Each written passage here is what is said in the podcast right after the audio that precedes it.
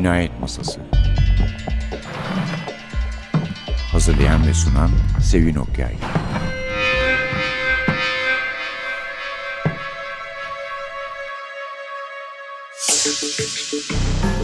Merhaba, NTV Radyo'nun Cinayet Masası programına hoş geldiniz. Bugün size İskandinav polisiyesinin en parlak isimlerinden John Nesbo'dan bir kitap sunuyoruz. Nesbo biliyorsunuz yeni Stieg Larsson diye takdim edilmiş. Gerçi ülkesinde ve İskandinav ülkelerinde çok satıyor. İngiltere'de de büyük ihtimalle satıyordu ama Amerika'da e, Larson kadar sattığını sanmıyorum.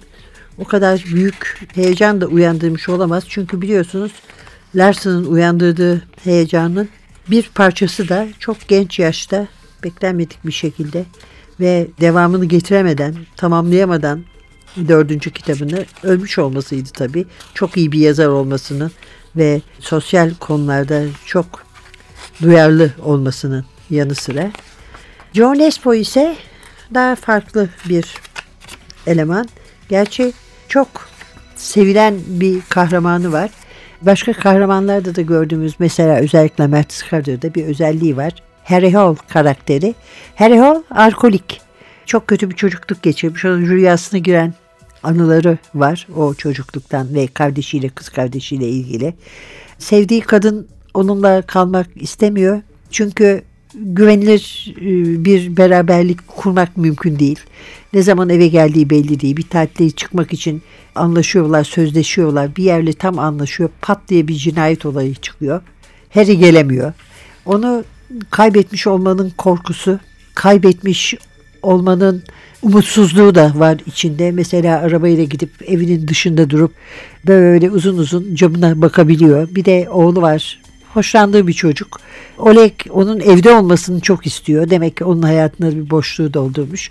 Böyle bir yanı da var ama Harry Hall bir de çok iyi bir polis. Kimsenin fark edemediği şeyleri görüyor. Kimsenin hissedemediği şeyleri hissediyor ve eğer tamamen alkol buharları sarmadıysa her tarafını herkesten daha akıllıca düşünebiliyor. Sonuca daha çabuk varıyor. Sık sık şikayet ediyorlar arkadaşları. Bir düşmanı var zaten teşkilatın içinde. Çünkü onun suç dünyasıyla bağlantıları olduğunu görmüş, şüphelenmiş daha doğrusu ama sonra kanıtlamış iki yıl araştırdıktan sonra. Adam da biliyor, Valer de biliyor onun bundan şüphelendiğinden saklamıyordu zaten konuşurken. Kendi tarafına geçmesini teklif ediyor. Maddi ödül karşılığında ve yani bunların da temizliğin bir parçası olduğunu söylüyor. Bir cinayet işlemiş. Harry kabul etmiyor bunu tabii ama tutunacak bir şey yok. Yani buna karşılık tutunacak tek şeyi işi bütün bu şikayetler ve işe canı istediği zaman gelişi, sarhoş gelişi gibi durumlar yüzünden yani amiri sonuna kadar kendini zorluyor onu kovmamak için. Doğrusu bu kitapta da kovdu kovacakmış gibi görünüyor. Ama bu kadar anlattıktan sonra kitabın adını söylememiş olmamız çok harikulade bir sürpriz olmuştur o zaman. Şeytan Yıldızı efendim. Doğan kitaptan çıktı. Şeytan Yıldızı Mare Kors orijinal adıyla İngilizcesi de kabus haçı anlamına geliyor. Doğan'dan çıktı dediğim gibi tacisel belge ile Burçak Gür'ün Muraben çevirdi.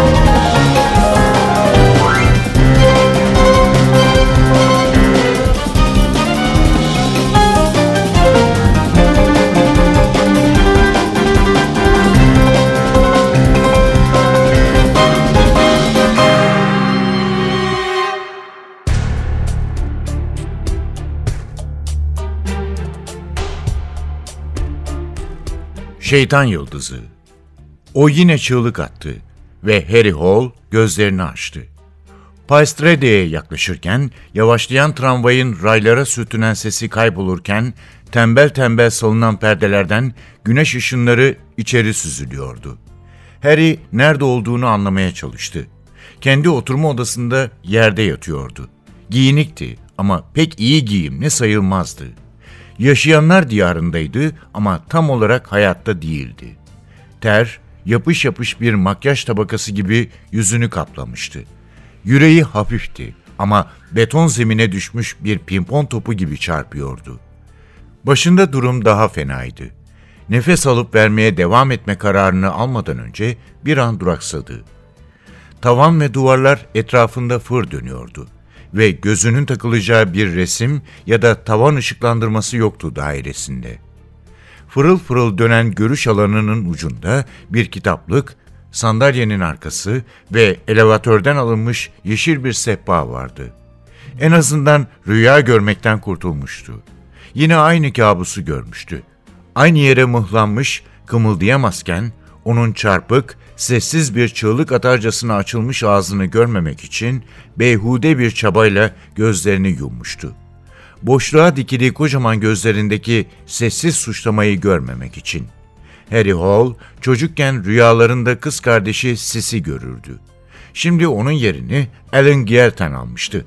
Önceleri sessiz olan çığlıklar şimdi tiz bir fren sesi gibiydi. Hangisi daha beterdi bilmiyordu.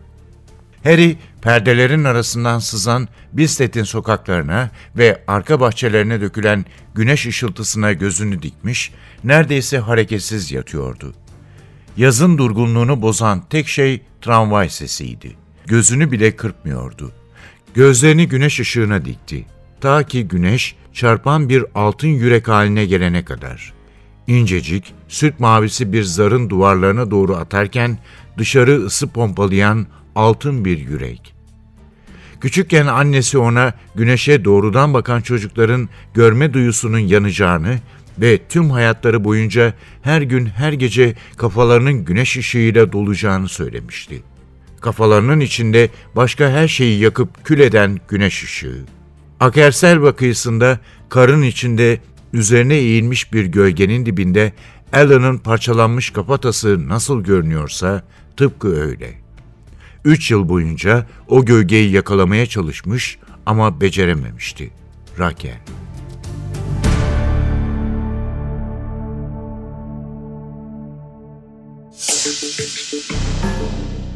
Kitabımız Şeytan Yıldızı. Geç söylediğim için adını telafi etmek için bir kere daha söyleyeyim. Hikaye iki paralel tema arasında gidiyor.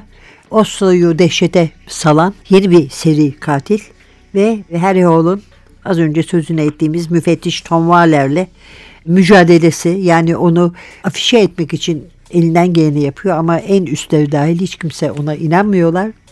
Antipati duyduğu için uğraştığını düşünüyorlar. Bir tanık bulmuş. O tanık da son anda kiminle yan yana otururken gördüğünü söyleyecek olan ve inanılırlık kazandıracak kişi tanıklık etmekten vazgeçiyor. Düşündüm de diyor. Orada mıydı değil miydi emin değilim. Tom Waller eğer aramızda Joe Nesbo okulları varsa Kızıl Gerdan diye burada çıkmış olan Red Breast vardı. Orijinal adını maalesef hatırlamıyorum. O Red Breast'te ve e, bu kitabı izleyen ve Red Breast Rothstrupe orijinal adı. Nemesis'te Sorgenfree ama bizde yani Norveççe Sorgenfri ama bizde de İngilizcesi gibi Nemesis diye çıktı. E, Valer bu iki kitapta da vardır. Yani orada da ikisinde de büyük bir bölüm kaplar. Ve sonunda bu iki tema bir araya geliyor. Dediğimiz gibi bir genç kadın öldürülmüş Oslo'daki dairesinde. Bir parmağı sol elinin bir parmağı kesilmiş. Göz kapağının arkasına beş uçlu bir yıldız bir pentagram e, şeytanın yıldızı biçiminde minik bir elmas konmuş. Şeytanın yıldızı adını buradan alıyor ve Harry Hall da Tom Waller'le birlikte bu olaya bakacak. Hiçbir şey yapmak istemiyor. Ama başka da yapacak bir şey yok. Yani bütün gün Raquel'i düşünerek hayatını geçiremeyeceğine göre Gerçi içki içmemeye çalışmak epey vaktini alıyor ama gerektiği kadarını da almıyor. Başlıyor çünkü içmeye.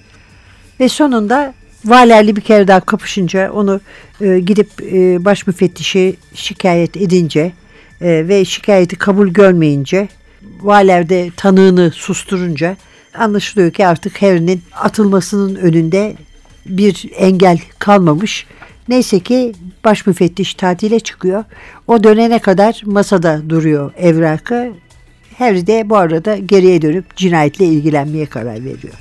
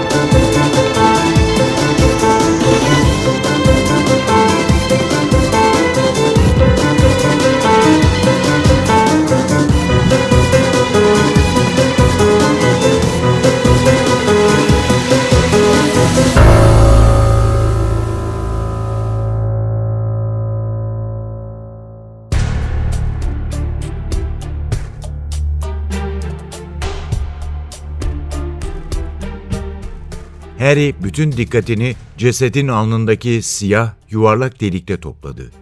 Bir kronluk madeni paranın deliği kadardı. Ufacık deliklerin insan hayatını sonlandırabilmesine her zaman hayret etmişti. Bazen de giriş yarası hemen deriyle kapandığından deliğin boyu yanıltıcı oluyordu. Harry bu olayda kullanılan merminin ardında bıraktığı yaradan daha büyük olduğunu tahmin ediyordu.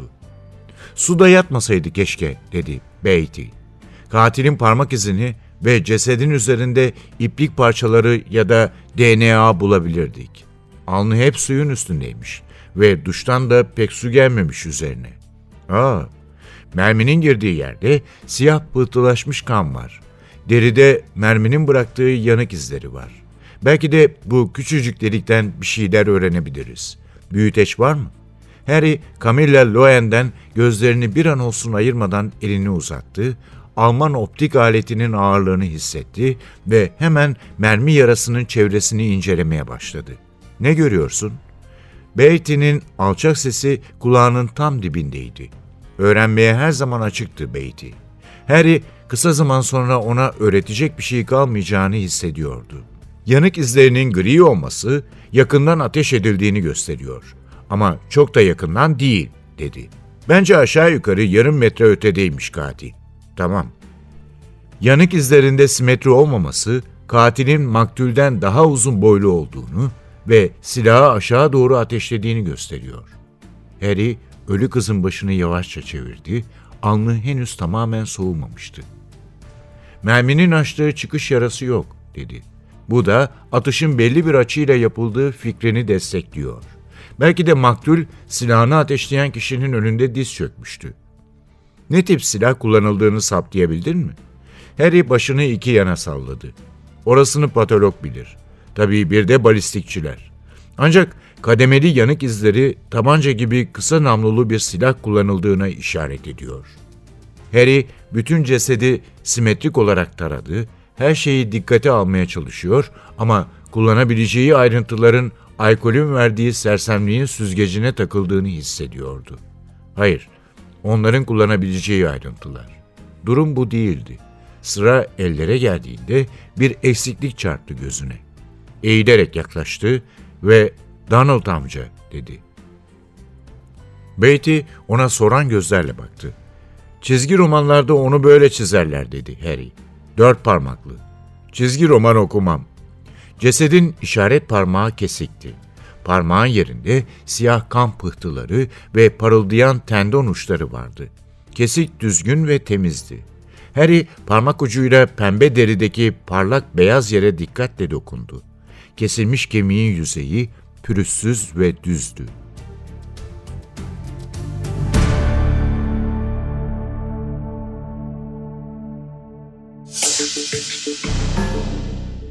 Bu kitapta 5 sayısının önemi, özel önemi hatta birçok yerde yazar tarafından belirtiliyor. Önce başlangıçta 5 kurban olacağını varsayıyoruz. Burada bir 5 var. Bir elde 5 parmak var ve katil de kurbanların bir parmaklarını kesiyor. Her cinayet bir binanın 5. katında meydana geliyor. Ee, bütün cinayetler akşam saat 5 sıralarında meydana geliyor. Cinayetler arasında 5 gün var. Kırmızı elmas yıldız 5 köşeli. Maktullerden bir tanesi bulunduğu zaman 5 noktadan iki ayak, iki diz ve alın dengelenmiş durumda. Ve Harry Hall bir yerde yani tesadüfen te- televizyonda piyango çekilişini izlerken duyduğu tek numarada 5. Kitapta zaten 5 bölümden ibaret. Evet efendim. Böyle ilginizi çekeceğini sanıyoruz. Harry Holt kitapları daima hakikaten ilgi çekici kitaplardır. Harry Holt'dan bahsetmeden önce çünkü yazarı mütemadiyen ondan bahsetmiş.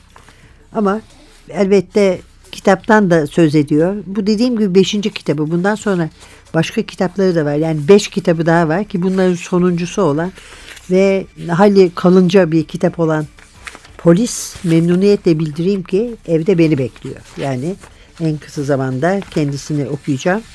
Ama bizim tabii zorunlu okumalarımız yüzünden keyfi okumalarımız basbayağı şey oluyor yani keyfi okumaya vakit bulmak zorlaşıyor diyelim. Demiş ki John Espo kusursuz cinayet konusunda hayli düşündüm. Mesela e, bir kurye çiçek getiriyor. Maskesiyle eldivenleri var. Zili çalıyor. Hiç kimse farkına varmadan binalara giriyor. Hemen oradan ayrılıyor. İzi sürülemiyor. Yerlerim var. Zaten haritaları vardır. Harry Hall'un Oslo'su diye. Oslo'da belli yerleri var. O yerlere gidiyor. O yerleri kullanıyor. Ve kitap gerçekten büyük övgüler almış. İşte yalnız bir kurt olması Harry'nin onu 21. yüzyılın en iyi müfettişlerinden, polislerinden biri haline getiriyor demişler ve kitaplar da gerçekten hepsi aynı düzeyi yakalayabiliyorlar. Şimdi fevkalade entelektüel ve duyarlı dediğimiz gibi Stieg Larsson'dan söz etmiştik. Çünkü e, John Espo onunla kıyaslanıyor. Ama çok fark var aralarında yani gözlüklü ve entelektüel araştırmacı Larson ile Nespo arasında. Çünkü Nespo bir defa bu kitapların kendisine getirmiş olduğu büyük şöhrete o kadar da muhtaç değil. Çünkü daha önce başka bir alanda da meşhurdu. Müzisyen Nespo, uzun boylu, zayıf, delici mavi bakışları olan ve başında saçı olmayan Nespo aslında bir müzisyen ve müzisyen olarak da ülkesinde çok iyi tanınırken kitap yazmaya başlamış.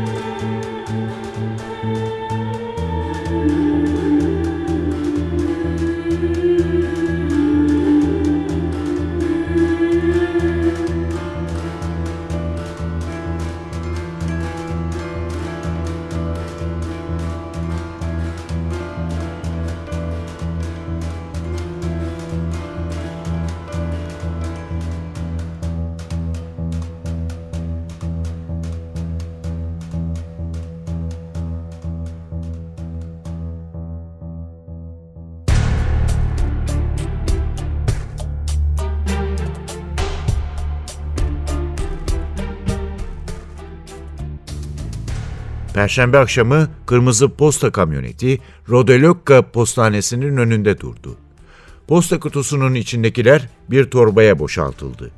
Kamyonetin arkasına özenle yerleştirildi ve Bişkoş Gunnerus Caddesi 14 numaradaki merkez postane olarak bilinen binaya doğru yola çıktı. Aynı akşam posta merkezi her şeyi boyutlarına göre düzenleyip kahverengi, içi baloncuklu naylon kaplı zarfı C5 boyutundaki diğer mektuplarla birlikte ayırdı. Doğal olarak kimsenin pek dikkatini çekmeyen zarf, önce Öztan'da, sonra da 0032 posta koduna gideceklerin yanına konuldu. Mektup, kırmızı posta kamyonetinin arkasındaki torbada, ertesi sabah dağıtılacakların arasında yerini aldığında geceydi. Oslo halkının büyük bölümü uykudaydı. Her şey yoluna girecek dedi oğlan, yuvarlak yüzlü kızın kafasını okşarken. Kızın uzun cılız saçlarının parmaklarına yapıştığını hissediyordu. Elektriklenme. Oğlan 11 yaşındaydı. Kız 7'sindeydi ve onun kız kardeşiydi. Annelerini hastanede ziyarete gelmişlerdi. Asansör geldi, kapıyı açtılar. Beyaz ceketli bir adam asansörün sürmeli demir kapısını yana itti. Çocuklara belli belirsiz gülümsedikten sonra gözden kayboldu. Çocuklar asansöre bindi. Neden bu kadar eski bu asansör diye sordu kız. Ev eski de ondan dedi oğlan demir kapıyı kapatırken. Hastane mi burası? Oğlan zemin kat düğmesine basarken tam değil dedi. Burası çok yorulanlar için dinlenme evi. Anne yorgun mu? Evet ama iyileşecek. Kapıya dayanma. Efendim? Asansör harekete geçti ve kızın uzun sarı saçları hareketlendi. Elektrik diye düşündü ve kardeşinin saçlarının yukarı doğru uçuşmasını izledi. Kızın elleri kafasına gitti ve çığlıklar atmaya başladı. Onu yerine mıhlayan tiz, derici çığlıklar. Kızın saçları sürgülü demir kapının öte yanına takılmıştı. Asansörün dış kapısına sıkışmış olmalıydı. Hareket etmeye çalıştı ama sanki o da yapışıp kalmıştı. Baba, baba diye bağırdı kız. Parmak uçlarına yükselmişti artık. Ama baba otoparktan arabayı almaya gitmişti. Asansörün zemininden yukarı doğru çekilirken kız anne diye bağırdı. Ama anne yüzünde soluk bir gülümseme yatakta yatıyordu. Bir yandan saçına yapışıyor, bir yandan canhıraş tekmeler atıyordu. Abi bir kıpırdayabilseydi, ''İmdat!'' Harry şaşkınlıkla yatakta oturdu, kalbi kendini kaybetmiş bas bir davul gibi gümbür gümbürdü. Tanrım! Kendi kısık sesini duyup başını yastığa bıraktı. Perdelerin arasındaki ışık griydi. Başucu masasındaki kırmızı dijital rakamlara baktı. 4.12 Yaz geceleri cehennem gibiydi. Kabuslar da.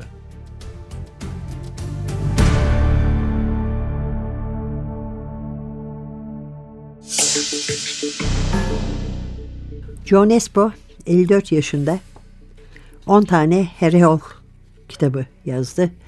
1997'de yayınlamaya başladı kitaplarını yani Larson'un Millennium üçlemesinden önce ama İsveçli Larson'a karşı bu Norveç'ti dediğimiz gibi zaten meşhurdu.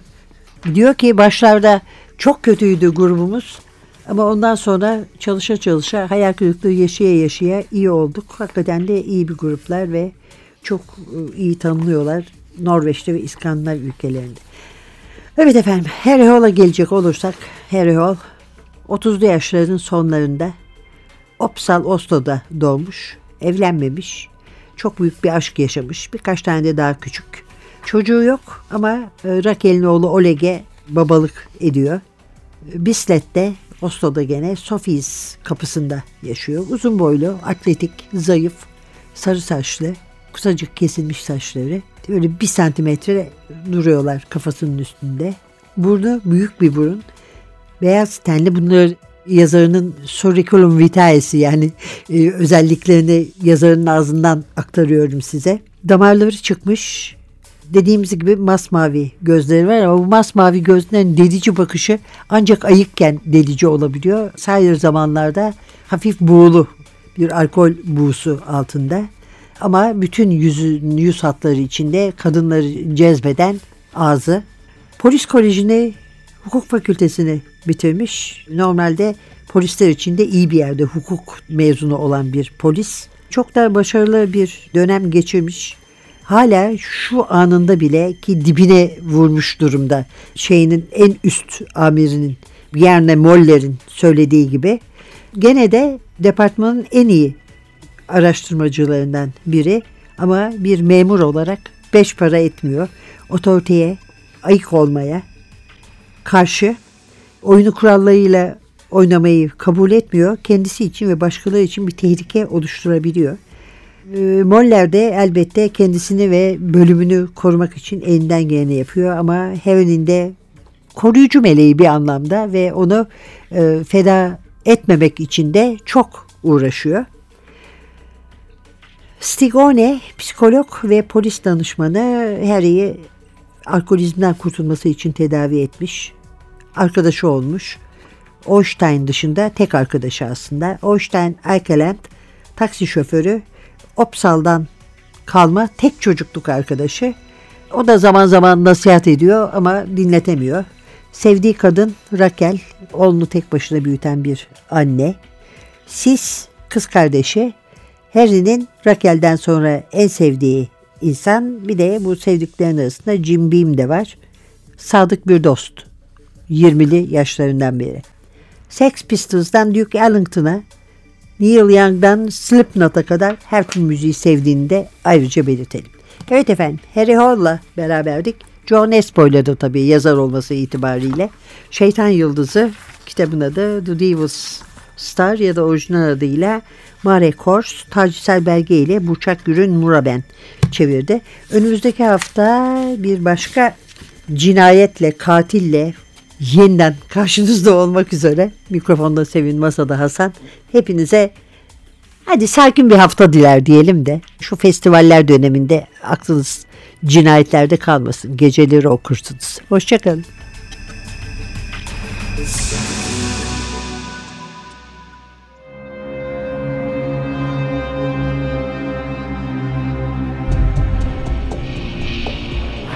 Cinayet Masası